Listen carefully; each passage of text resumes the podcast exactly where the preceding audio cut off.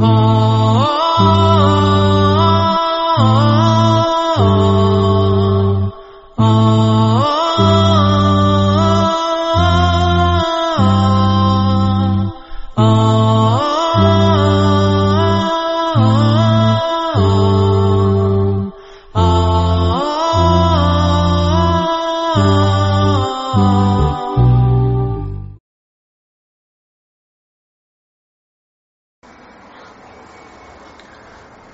Ibn Abasa, radijallahu anhu, se prenosi da je rekao, rekao nam je Omer, radijallahu anhu. Pozvao je e, da pođu, pođite sa nama na našu zemlju. فخرجنا فكنت أنا وأبي بن كعب في مؤخرة في مؤخر الناس كاج ابن عباس فاسمو يا أبي بن كعب بيلي na, na kraju kolone ljudi. فهاجت سحابة فقال أبي اللهم صرف عنا عذابها فلحقناهم فلح فلحقناهم وقد ابتلت رحالهم فقالوا ما أصابكم الذي أصابنا قلت إنه دعاء دعاء الله عز وجل أن يصرف عنا أذاها فقال عمر ألا دعوتم لنا معكم عبد الله بن عباس i Ubej ibn Kaab su bili na, na posljedku, znači kolone. Što govori o njihovom druženju i razmenjivanju znanja i onoga svega što, sa čime im je Allahu poslanik sallallahu alaihi wa sallam došao i sa čime ih je e, obavijestio i naučio. Što govori e, nedobljeno o ljubavi Allahu, Allahu i e, ashaba Allahu poslanika međusobno. I da su e, oni ashabi koje mi poznajemo imenom i prezimenom, koje poznajemo da su bili prvaci među ashabima, jer među ashabima je bilo e, onih koji su bili bolji od drugih, vidjet ćemo da su prvaci ashaba izuzetno volili jedni druge. Što dokazuje da ono sa čime je došao Allah u poslanih sallallahu alaihi wa sallam može samo vjernička srca spojiti, a nikako ih ne može udaljiti. I zbog njihovog ispravnog svatanja onim sa čime je došao Allah u poslanih sallallahu alaihi wa sallam to sa čime on došao je zbližilo njihova srca. I nisu smatrali da su takmaci jedan drugome. Da su akrane. Da treba jedan drugome da zavide zato što je jedan u nečemu prednjači na drugim. Naprotiv, bilježi se da je Alija radijallahu anhu nadjevao svojoj djeci imena upravo prvih halifa muslimana. I kad god, kad god vidite da Allah poslani sallallahu alaihi wa sallam u hadisima e, sjedi sa ashabima, razgovara sa njima, vidjet ćete da u velik, u blizini Allahov poslanika su bili Ebu Bekr i Omer. Ubej ibn Kaab i Abdullah ibn Abbas idu iza, iza naroda. Ja bih te zamolio, brate, ja neću vas nastaviti sada. Sada predavamo ovo pravo buni, ona, izbunio ime.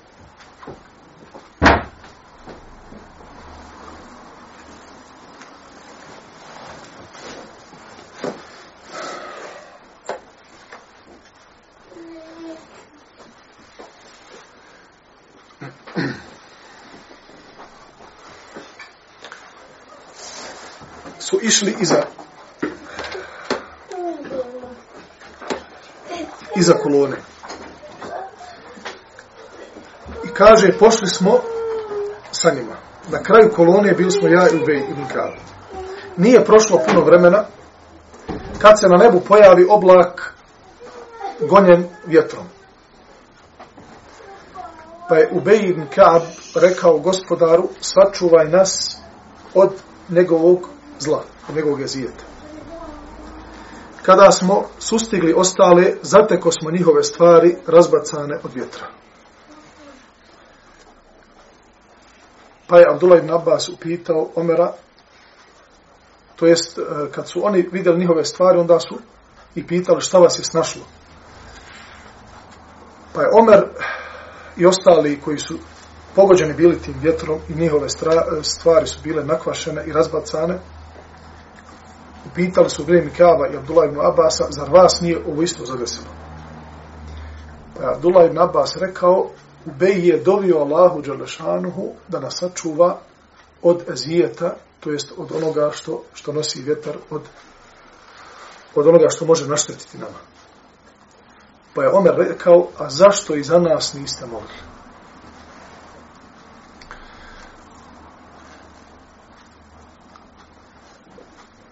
Ova predaja nas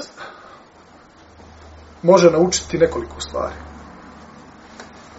Prvo, da dova otklanja ezijet i otklanja ono što šteti ljudi.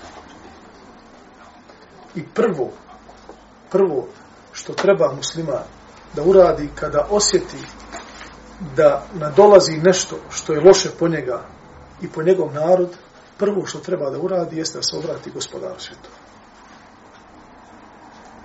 To je prva stvar koja treba da bude na umu svakom vjerniku.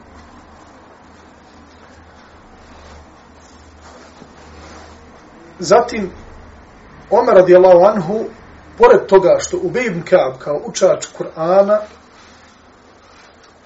za kojeg je Allah poslanik sallallahu alaihi wa sallam rekao, njemu je dat glas od glasova porodice to onaj ta vuda. To jest tako je imao lijep glas prilikom učenja Kur'ana, da je sam Allah poslanik sallallahu alaihi ve sallam volio da sluša kako Ubej uči, uči Kur'an i on je bio vrli učač, jedan od najvrlijih učača Kur'ana među ashabima. Pa Omer radijalanu na ovaj način ih podučava, dodatno Iako su prvaci ashaba, iako je neko odmakao daleko i sa znanjem, opet ponekad treba nekoga ko će ga uputiti. I savjet u ime Allaha Želešanuhu je blagodat koju Allah subhanahu wa ta'ala spustio na ovaj umet. Da za svaki savjet očekujemo, inša Allah ta'ala, veliku nagradu. I sami hadisi koji govore da onaj ko zna savjetuje drugoga i ukaže mu na dobro i ovaj to počne da radi, ti ćeš imati nagradu sve dok je on radi. Dok to dobro djelo radi. Znači svaki sevap koji uradi neko kao rezultat tvog savjetanja, sve dok on bude radio to dobro djelo, imat ćeš istu nagradu kao on što ima za to dobro djelo. To su postreci koje Allah poslanik sallallahu alaihi wa sallam je uputio svome umetu kako bi ta institucija savjetovanja, savjetovanja, savjetovanja ostala da živi. I da na taj način muslimani čak e, uzmu da je to jedan od načina približavanja Allahu subhanahu wa ta'ala sa savjetom braće muslimana. I zbog toga je veoma bitno, braćuma, da bi savjet bio prihvaćen, da se podučimo etici savjetovanja. Danas, nažalost, sve više je kritika, a sve manje je savjeta. Kritiku će ti prihvatiti samo ona isklesan Allahov rob koji nema s ovim svijetom ništa. Tih je danas malo. Ko je ovde, na ovome svijetu, još živi, među nama je, jede, pije, udiše zrak, ali on s ovim svijetom nema apsolutno ništa. On je davno svoj život predao Allahu Đalešanu i njega ne zanima da li ga neko kritikuje ili ga neko hvali ili ga ili ljudi drže do njega ili ne drže do njega. Imate takve ljude, tako mi Allah. Hoće li ga neko poselamiti? Neće. Hoće li mase klijenti za njim? Ili će možda sa njim samo jedan čovjek ići? Ili ni jedan? To njega apsolutno ne interesuje zato što je povezao svoje srce sa Allahom. A onaj ko svoje srce poveže sa Allahom, sve što više je povezan sa Allahom, sve ga manje interesuje šta ljudi misle. I sve manje osvrće se na ljudske kritike pa šta je on htio da mi ovim kaže, pa je ovim htio da me osramoti, nije, to njih ne interesuje. Međutim, takvi Allahovi robova je skroz malo. Jer da bi doveo dušu na takav stepen, jednostavno treba da se odrekneš ovo dunjalučki titul. Da sam prvo svojom nogom pogaziš sav onaj ego do zadnjeg milimetra koji svaki od nas ima u svojoj duši, one male faraončiće, oni koji se kreću po našim tijelima, da izgaziš dobro, da ih uništiš, svaki kip koji se nalazi u našem srcu, ja, šta, ko će meni, ko ja ovo, ako ja ono, sve to da staviš pod noge i tek onda da kreneš da odgajaš dušno tim principom. Međutim, pošto stanje nije tako i nije za, ne može se očekivati da pogotovo u današnjem vaktu imamo puno takvih robova. Onda, zbog te osjetljivosti koje ljudi imaju kod sebe, treba da biramo riječi. Treba da biramo riječi i vrijeme i mjesto kada ćemo koga na. I onda očekivati da će taj savjet uroditi plodom. Savjet usporedite metaforički sa zalijevanjem cvijeća i onog, od onog trenutka kada obodeš ono, onaj, ono zrno, očekivajući da će tu roditi ruža i neki lijep cvijet, pa do toga šta treba da dadneš od minerala, šta da pospiješ tu i kakva zemlja treba da bude, koliko vode da naliješ, ćeš nalit kanister odmah vode na to. Potopit će se izaći, nema od, toga, od te ruže ništa. Ili će to biti sve smjerom kako bi taj cvijet i sačekati da plod izađe i sve ostalo jer ljudske duše su kaže uzvišeni kuler ruhu min amri rabbi wama utitu min al-ilmi illa qalila pitaju te o duši jesalune na ruh reci duša je Allahova stvar. On je stvorio to jedno specifično biće. Mi o tom biću skroz malo imamo znanja. Skroz malo imamo znanja. Ljudske duše mogu i kako da prime savjet i da te otvore svoje srce a mogu i kako da osjećaju bojnost, pa makar čovjek bio i na istinu.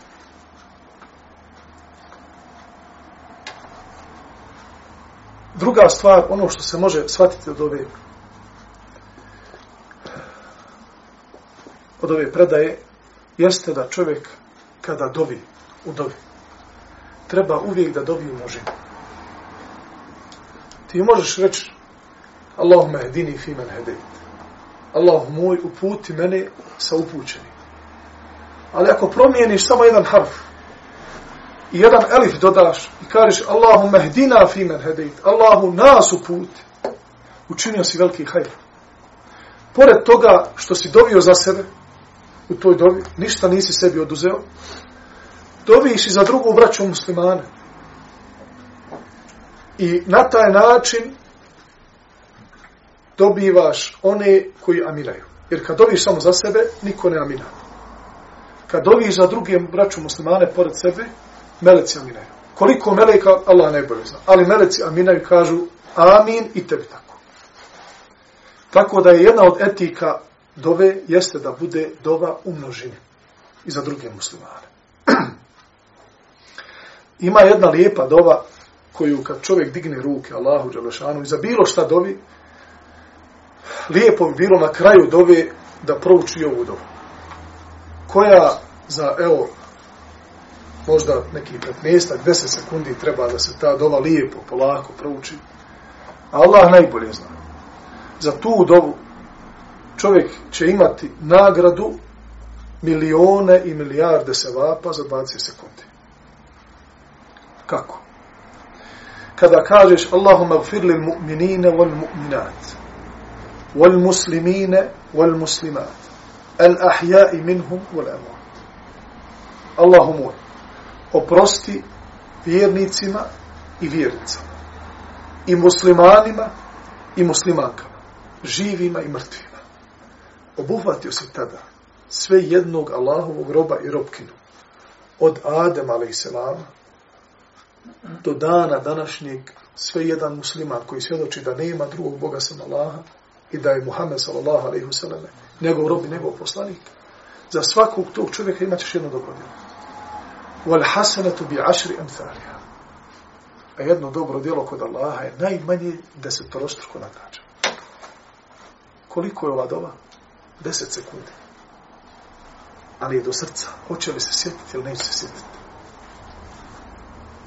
Kada se čitaju određeni hadisi koji govore o fadlu, o značaju i velikoj nagradi koju Allah obećava za one koji Allaha spominju, ko kaže stotinu puta ovo, ko kaže subhanallahi wa bihamdi adada halki wa rida nefsi wa zinita aršom dade kalima tri puta ujutru. Ko kaže raditu billahi rabben. Kaže, maša Allah. Jest, velika je nagrada, ali za ovoga ako se sjeti. Ali koliko puta čovjek se ne sjeti, pa onda ne iskoristi ono, ono što mu je Allah dao od blagodate. od Ebu Seleme se prenosi قال أتيت أبا سعيد الخدري وكان لي صديقا فقلت ألا تخرج بنا إلى النخل؟ فخرج وعليه خميصة له. ودبو سلمي سي برنوسي دا ركاو دوشاو سان أبو سعيد الخدري a bio je moj prisni prijatelj. Dolazio mu je često i kaže jedne prilike sam rekao hajde nas izvedi u Palmovik. A na njemu je tada bila košulja koja je imala naziv, zvala se Hamisa, bila je pomoćno, ona je svilenkasta košulja koju je nosio, nosio tada Ebu Sa'id al-Hudri. Ova predaja ima Buhari u vrsti u Edebol Mufred, Allah najbolje zna, koja nam govori o jednostavnom životu ashaba. Jer čovjek često, e, čitajući predaje koje govore e, o njihovim djelima, o njihovoj etici, o njihovom ibadetu, o njihovom džihadu, požrtvovanošću na Allahovom putu i slijedjenju Allahov poslanika, sallallahu alaihi vseleme, čovjek s tim informacijama, jel tako, onaj, pokušava da donekle sebi dočara kako, kako su oni bili onaj, na ulici, kako su bili u džami, kako su bili kod kuće. Pa je, e, kroz ove sve hadise koje smo i prije onaj, pročitali i ove koji će doći posle, koji govore o, samom, o samim hadisima i ove predaje koje govore o samim hadisima koji postiču na, na lijep moral muslimana, a i ove predaje koje govore o moralu ashaba, Imam Buharija je e, stavio ovu predaju da bi imali kompletnu jednu sliku o ashabu da su to bili ljudi koji su jednostavno bili jednostavni. Nisu bili e, ljudi koji bi ono što rade da bi se na njima videla muka zbog, zbog toga. Nisu imali tekelufa. A tekeluf na arapskom jeziku znači da čovjek ne zna što radi. Znaš, ti i badetiš ti. Uf, krčova, travija, džuz, prva stranca ide, druga stranca ide, treća, četvrtu već čita što su odbili, vidim koliko još ostalo do kraja džuza stranica. Znači nisu to imali. Išla im je sve kao voda što kad teče ono potokom. Tako su odgojili svoje duše i onda, e, i ovo je nije jedini primjer da su znali našalt među sobom, da su znali, na primjer, e, Omer Adjela, ona izlazi iz mesečida i e, zna koje papuče nosio Alija radi Alana. Alija je bio oniži. Omer je bio visok. Pa jedne prilike, kaže, izašao iz da lavu poslanike, uzeo njegove papuče i zadio za palmu. Ona, I Alija je izašao, nema papuča. Gdje su papuče? Sad neki ashabi kažu, eno i gore. I onda su ga pustili da on sam proba dokaž, pa je skakao i nije mogao da, da ih dohvati, pa se onda svi smijali zbog toga. Onaj, Znači, bili su i šaljivi, znali su nekad sjest na silu, pričaju o svom džahilijetu, pa Omer se smije, kaže, kako, kakav sam ja, kaže, bio budala, onaj, klanio sam se onome što sam na kraju, kad ogladim, sam pojeo. E, izlazili bi u Palmovik da se, da se odmore, da jednostavno se druže. Znali su, znali su za prijateljstvo. Znači, među ashabima je živjelo, braćo, moja prijateljstvo. Pored toga, što možemo primijetiti da jedno od prvih koraka koje je Allah poslanik alaih sallatu wasalam čini kada dolazi u Medinu i dolazi do, do jednog novog društva, znači pravi se jedno novo zdravo društvo, jedno od prvih stvari jeste bratimljenja Ensara i, Ensara i Mohađira. I to ostaje, to ostaje za njih svijetu. Kaže, moj brat od Mohađira, moj brat od, od Ensarija i na taj način svako od njih je mogao odmah da se, da se približi s jednom porodicom, da stekne prijateljstvo, povjerenje i da bi mogli biti jedan drugom na usluzi. I ova, i ova predaja e, govori, govori o tome također. e, što se tiče samih onaj palmovika i zanimanja e, ashaban za, za, za ovaj, da kažem, fa, e, nam donekle govori da su oni živjeli znači u, e, u onim uslovima kako su zatekli svoj narod. Znači, ako su bili zemljoradnici, ako je Medina bila plodonosna po pitanju zemljoradnje, oni bi bili zemljoradnici. Ako, su, ako je, na primjer, bila e, poznata po, po trgovini, oni bi bili trgovci. Znači, nisu bili nešto drugo mimo svoga naroda. Nisu izmišljali toplu, toplu vodu. Nosili bi ono što nosi njihov narod. Oblačili bi se tako. Ponašali bi se, znači, e, E, u onim ushodno, znači, e, e, osnovama islama i sve ono što se ne, ne kosti sa šarijatom, onako kako se kako se e, predislamski Arapi ponašali u domenu adeta. Znači, ne bi izbjegavali adete koji se nisu kostili sa šarijatom i to je jedno od, od e, da kažem, temelja dokazivanja i e, morala, to jest adet, e, običajno pravo koje je zastupljeno u islamu, da ono pravo običajno koje se ne kosi sa šarijatom, islam ga priznaje i, i ne, ne kosi se znači sa, sa, sa šarijatom. Onda da kažem, evo, kada onda su vezano za, za svadbu ili za neke druge e, prigodbe ili bajramske, da ako jedan narod ima svoj određeni običaj koji se čini tokom bajrama ili tokom svadbi, a taj običaj se ne kosi sa šarijatom, način kićenja, ne znam, ja, dočekivanja mladi, onaj, mladoženje, kome se prvom ide, znači ti neki adati koji su razvijeni vijekovima i godinama u jednom narodu, a nemaju, znači, sa osnovama šarijata, nemaju onaj suprotnosti, to treba i tekako ispoštovati i ne odudarati od toga, smatrajući da to nema veze sa sunetom i tako dalje. Znači, to je, to je pogrešno, što se može naći ponekad kod, kod vjernika. Od Alija radijallahu anhu kaže Amar an-nabiju sallallahu alaihi wa sallam Abdullah ibn Abbas an yas'ada šeđara. Allahu poslanik je rekao Abdullah ibn, ibn Mas'udu halalite Abdullah ibn Mas'udu da se popne na drvo. Da mu otkine plod To jest da mu, da mu otkine da mu otkine nešto od datula, od hurmi. فنظر أصحابه إلى ساق عبد الله فضحكوا من حموشة ساقيه Pa su, kaže, prisutni kad se Abdullah ibn Mesud popio na drvo. I on su to gledali. Kad su vidjeli ispod, ispod njegovog servala tankoću njegovih nogu. Počeli su da se smiju. Što onaj e, ponekad čovjek ne može, znači, da ostane ravnodušan na neke pojave. To nije sad da sti e, nekultura zbog toga, ili da nekad će neko, ne znam, onaj, e, izgledat će premršavo, ili ovaj predebelo i uče na vrata, ti u datom momentu kad vidiš tu osobu, možda ćeš, šta je ovo veliko, dragi Allah, i počeš se smijati. Treba normalno čovjek tu da se suzdrži, da ne bi čovjeka ponizio, ali nije to da kaže, da odmah napadneš na tog čovjeka, šta se smiješ, nekulturni jedan, ovo ono, znači ponekad čovjek ne može da, da to onaj, zadrži kod sebe. Pa je Allah poslanik sallallahu alaihi wa sallam e, na jedan način htio znači Abdullah Mesuda koji je bio od prvaka ashaba da ga zaštiti i da napravi, znači nije njih grdio, nije se okrenuo njima i kaže šta se smijete, bojite se Allaha, zar je ovo za smijanje, Allah je stvorio njegove noge, sad kolike su, su tanke, su, su debele, Allah je stvorio, ne, nego je htio da prevagne vaga na jedan drugi način. Pa da ne bi Abdullah ibn Mas'ud se našao u nezgodnoj situaciji, Allah poslanik spominje njegovu vrlinu i njegovu težinu kod Allaha Đalešana.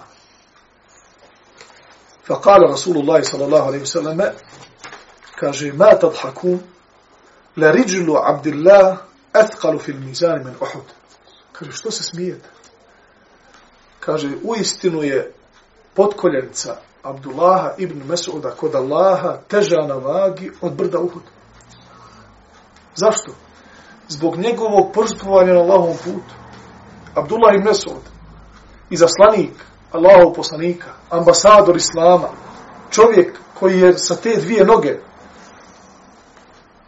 sa ostalim ashabima prenio svjetlo Islama da Islam znači ostane borio se na tom putu, zaštitio Allaho poslanika, zaštitio čast muslimana, zaštitio Medinu Mutaharu, kako bi Islam došao i na istok i na zapad i kako bi svjetlo Islama, Kur'ana i Sunneta zasijalo ondje gdje dopire i dan i noć. Ovaj hadis je ovu predaju koja je vredostaja, nalazi se u sahihima, E, neki islamski učenjaci uzimaju za dokaz kada govore o mizanu na sudnjem danu postavit će se Terezije, mizan na sudnjemu danu, gdje će se vagati dobra i loša djela. Imamo tu dva mišljenja. Kako će izgledati taj mizan? Prvo mišljenje da će to biti dva tasa. Na jedan tas će biti postavljena dobra djela, koja će imati svoju težinu tada. Jer mi danas radimo neka dobra djela koja uopšte nisu materijalne prirode. Dobro, hajde sada kažemo, dao je hiljadu maraka, dao je stotinu maraka, dao je 50 eura na lavom putu, pa da kažemo, to ima neku težinu, ima neku vrijednost, materijalnu.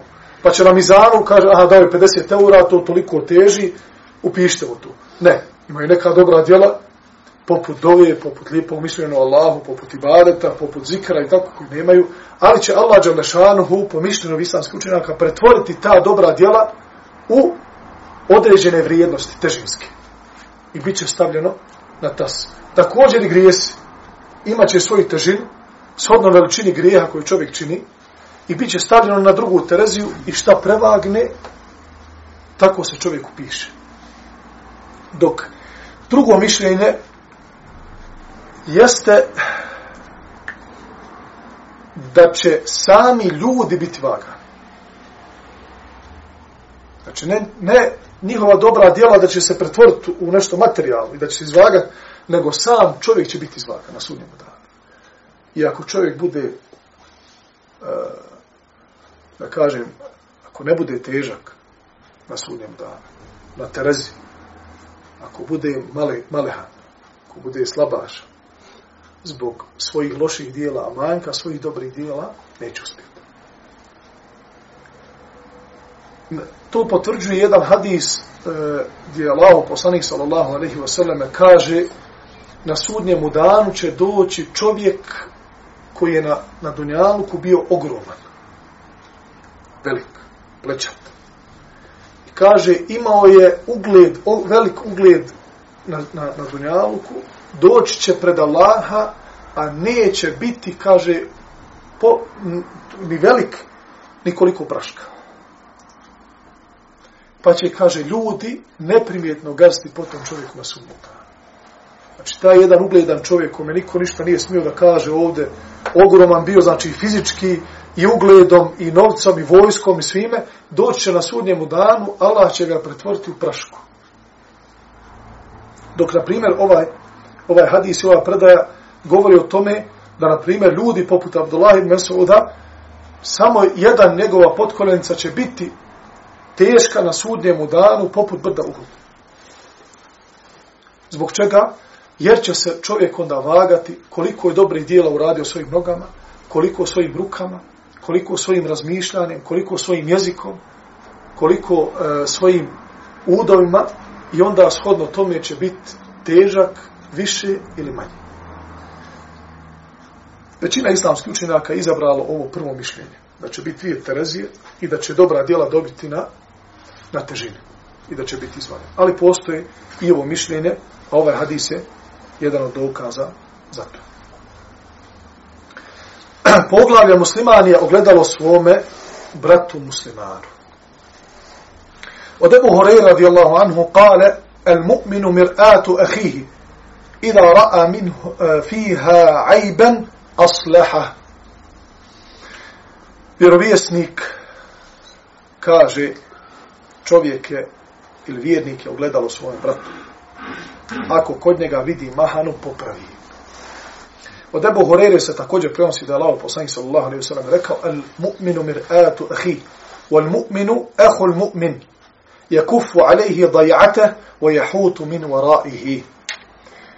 Allah poslanik sallallahu alaihi wa sallam je rekao a ovaj hadis je pored a, ove zbirke i kod Ebu Davuda u sunenu da je vjernik ogledalo svome bratu. I vjernik je drugom, brat, drugom vjerniku brat. Kaže, neće dozvoliti da propadne. Kada vidi vjernik drugog vjernika, da jednostavno nema više snage da ide sam. Ponekada ljudima dođu u trenuci u životu kada on ne može više da nastavi sam u tom trenutku, u tom periodu. Tu je džemat. Tu dolazi na snagu bratska veza između vjernika, koja ponekada se možda ne može primijetiti i nije toliko izražena. Jer hvala Allahu, ponekada nema potrebe da čovjek toliko izrazi bratstvo svome drugom bratu, jer ne treba mu toliko da pomogne. Ali iskren prijatelj, iskren brat, vjernik, koji te voli u ime Allaha Đelešanuhu, onda kada ti bude najpotrebniji, neće te ostaviti. Pa možda čak i ako između tebe i njega imaju neke razmirice, on će to sve ostaviti na stranu. U tom momentu ići će maksimalno da ti pomogne i moralno, i podrškom, i novčano, i ne znam, sa svojim tijelom i svojom dušom i sve ono što on što on posjede i što ti može da dadne da bi te pomoglo na tom, na tom putu na kojem se nalaziš. I kaže, neće dozvoliti da propadne i štiti će mu leđa. Štiti će mu leđa od neprijatelja. Štiti će mu leđa, branče kad on nije tu, da se o njemu loše ne govori. Štitit će mu leđa, čuvat će njegovu čast i njegove porodice. E, u svakom momentu bit će tu za njega i neće sebi dozvoliti da, da nešto kaže loše o svome, o svome bratu, o svome prijatelju. Allah, poslanik alaih salatu wasalam, navodi primjer ogledala. I nav, na, navođenje primjera ogledala e, kakav bi vjernik treba da, da bude naspram drugog vjernika je najljepši, najfenomenalniji primjer koji se može navesti. Znači, nije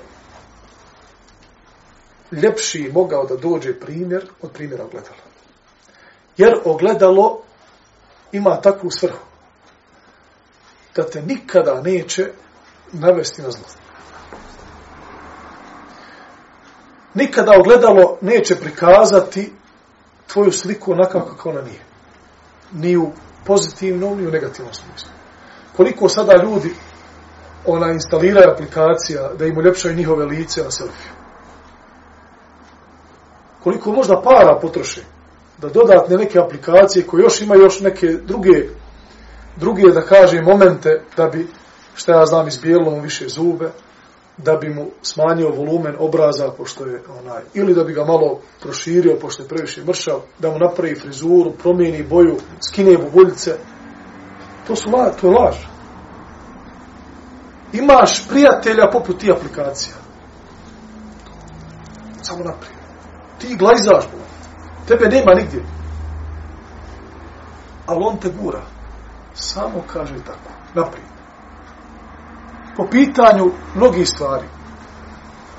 Danas će ti rijetko ko dat na primjer iskren savjet po pitanju više ženstva. Slabo. I većina ljudi koji u tom pogledu nisu uspjeli, pokušali su to i nisu uspjeli, to su većinom oni koji slušali te ahbabe poput tih aplikacija. To idemo življavanje suneta, brate, samo naprijed, ti probi, mi ćemo za tobom. Ovaj, probio led i udario glavom i razbio glavu u tom ledu. Ništa nije napravio. Slabo ima iskrenih prijatelja koji će biti poput ogledala.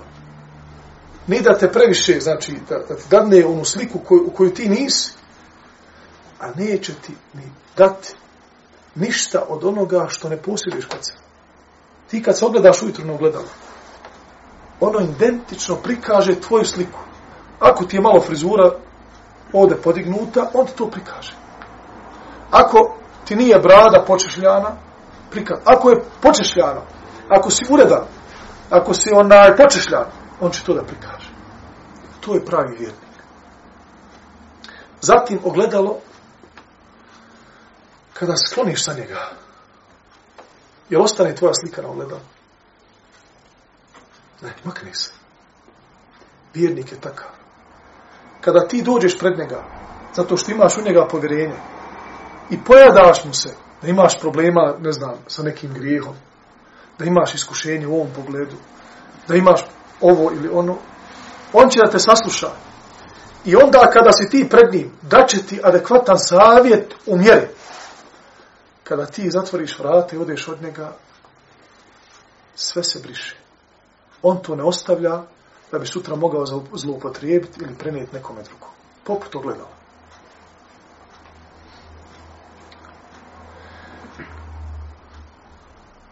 još mnogo osobina koje posjeduje ogledalo koje možemo navesti, ali ovo su jedno od ključne. Tako da je, kaže poslanik sallallahu alaihi sallam, el mu'minu mir atu ahi, vjernik je svome bratu poput ogledala. Od mu, Mustavrida ibn Šedada, radijallahu anhu, Kurašija, Mekenlije, da je Allah poslanik sallallahu alaihi sallam rekao, men ekele بمسلم أكلة فإن الله يطعمه مثلها في جهنم. ومن كسي برجل مسلم فإن الله عز وجل يكسوه من جهنم. ومن قام برجل مسلم مقام رياء وسمعة فإن الله يقوم به مقام رياء وسمعة يوم القيامة. Ovaj Tabaranija i kod Hakima i od Mustavrida da je Allah poslanik sallallahu alaihi wa sallam rekao ko na uškrob vjernika pojede jedan zalogaj Allah će ga takvim istim zalogajem nahraniti u džahennemu.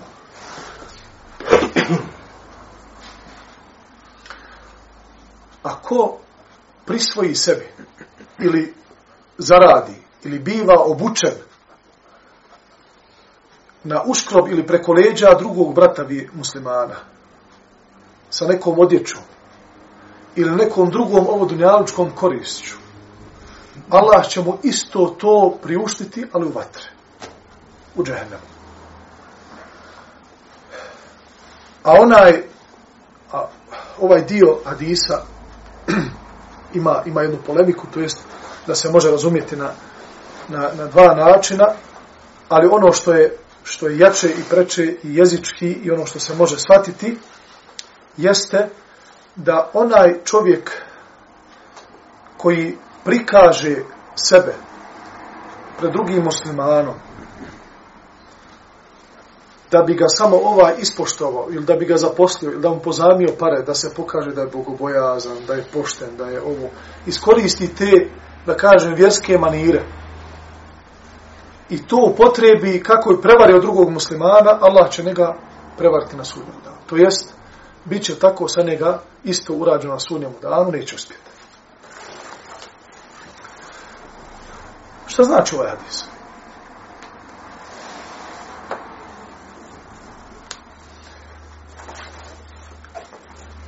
Ovaj život na ovom svijetu je, braćo moja, protkan raznim interesima.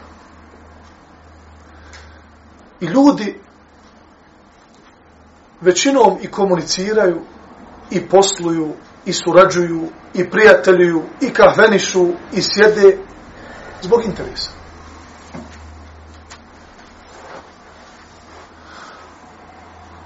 Ako upotrebiš, ako upotrebiš zlonameran govor, ili ružan govor o bratu muslimanu i na taj način sebi priuštiš mjesto kod onoga ko ne voli tog drugog brata muslimana, o kojem ti loše pričaš. Znači ti to loše pričaš da bi se ovome uliskao da te on zaposli, da ti postane prijatelj, da imaš od njega interes, da možda danas sutra imaš prođe kod njega ili da ti pozajmi pare, ili da za, za njega igraš, ili bilo kakvu ovu dinamičku korist da dobiješ od ovoga i ti to iskorištavaš, udaraš na čas drugog brata muslimana kako bi se ovome približio, svako onaj ko tako uradi, bit će, mu, bit će na sudnjemu danu dočekan i ugošćen ovako na ovaj način. Pa makar to bio, kaže Allah, poslanik, jedan zalogaj. Danas jedan zalogaj je deset fenika. Makar deset feninga, bio dobar. I bilo koja ovo dunjalučka, kažem, korist. Ljudi, braćo moja, tako sebi hoće da priušte ponekada luksus govora o drugoj braći muslimani da je to se začuditi danas koliko je se proširilo a uskoro nam dolaze izbori pa živi bili pa to vidjeli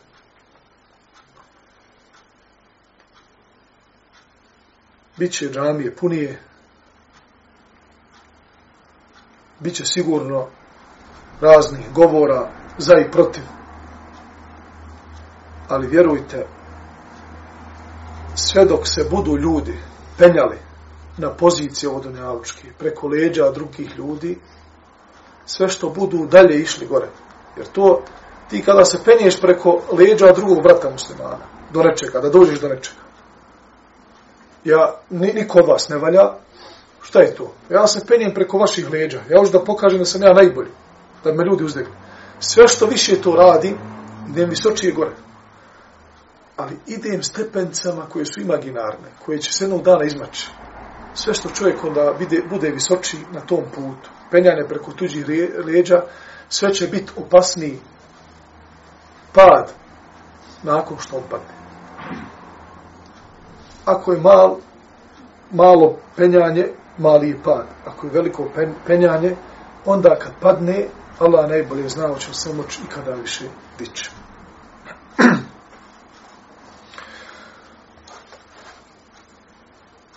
Allaho poslanik sallallahu alejhi ve selleme od Jezida ibn Sa'ida prenosi se da je da je rekao čuo sam Allaho poslanika da je kazao neka niko od vas ne uzme nečiju stvar ni u igri a ni u zbilju. Kaže, ako neko od vas uzme od svoga brata štap, neka mu ga odmah vrati. Znači, da se ne igraju ljudi sa tuđim stvarima. Ne znam, brat je ostavio otvor, onaj otvor na auto upaljeno, otišao samo nešto do dućana, evo da ja da mu onaj prank jedan napravim, upali onaj, uzmem auto i tamo iza zgrade da se malo ismijem da mu snimimo klip, da vidimo kako se on zabrnuo, kako on traži nekom u auto i tako dalje. To je sve u islamu pokuđeno i zabranjeno. Znači, nema igre sa tuđim stvarima.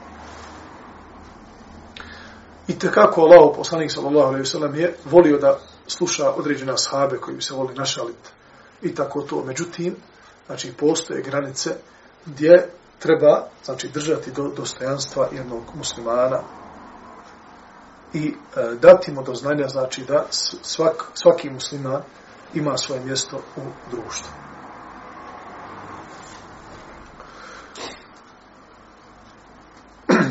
Opraštanje ljudima. I ovo je posljednji hadis, inša e, večeras od Enesa radijallahu anhu se prenosi da je ene jehudije etetin nebije sallallahu alaihi sallam bi šajatin فأكل منها فجيء بها فقيل ألا نقتلها؟ قال لا. قال فما زلت أعرفها من لهوات رسول الله صلى الله عليه وسلم. Od Enesa se prenosi da je židovka koja se zvala Zeynep bint Harith, žena od Seleme ibn Miškema. A za nju se ne zna da li nakon toga primila islam i nije.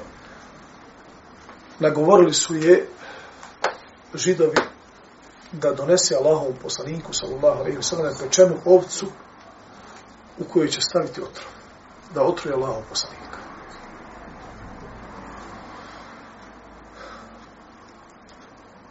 Nakon što je Allahov poslanik pojao i osjetio tragove otrova, ashabi su otišli i uhapsili tu ženu.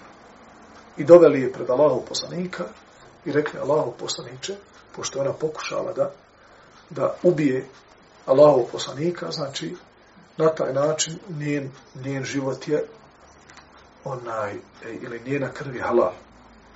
Pa su ga pitali Allahu poslaniče, da li da je ubijemo? Pa je Allahov poslanik, sallallahu alaihi wa sallam, tvoj židovkini oprostio. Rekao je ne. Znači, osobi koja je dokazano pokušala da ubije Allahu poslanika. I kaže Enes, tragovi trovanja tom ovcom dali su se primijetiti dugo nakon toga na resici Allahu poslanika. I na njegovom periodičnom razbolijevanju, gdje bi se razbolilo i vidjeli bi se tragovi. A u nekim predajama se prenosi da je Allahu poslanik sallallahu alaihi wa sallam pred svoju samu smrt rekao, tako mi Allaha osjetim okus otrova u svojim ustima od one ovce.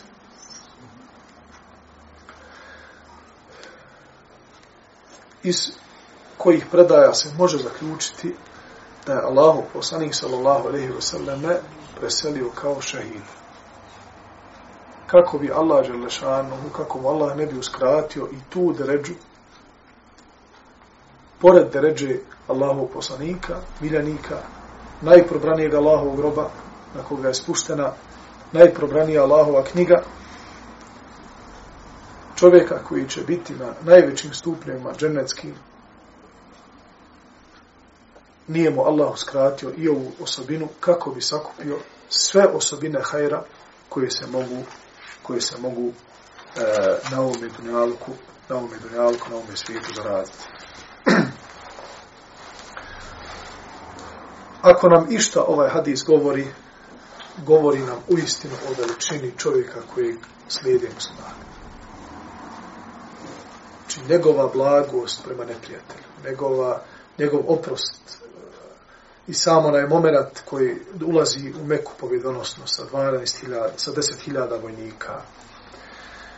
Znači, dolazi među ljude koji su ga e, više od, od, od 20 godina proganjali, ratovali protiv njega, okritari potplaćivali druga plemena da, da ga svrgnu, da ga e, bojkotuju, nisu im dali da trguju, znači popali njihove domove, ubili mu najmilije, ubili mu, znači, Amidžu, Hamzu radijalanu i ostale, znači, ashabe za kojima je Allah poslanik tugovao.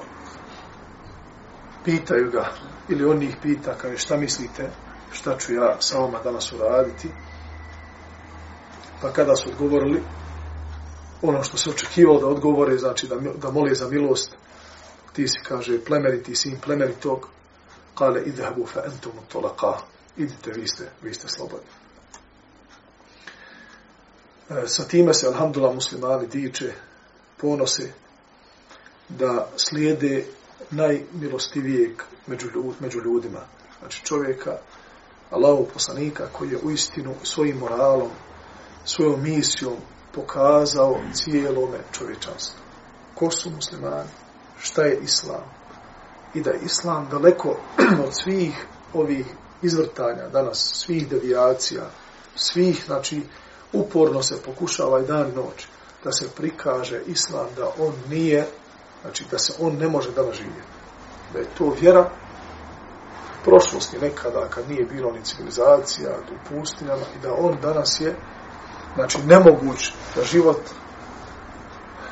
a mi hvala Allahu danonočno dokazujemo da ide kako islam i vidimo danas na životima ljudi koliko im je život se popravio na bolje, koliko im islam, islam sačuvao njihovu zdravlje, njihov život i metak, porodice, koliko je ljudi počelo da živi sa islamom.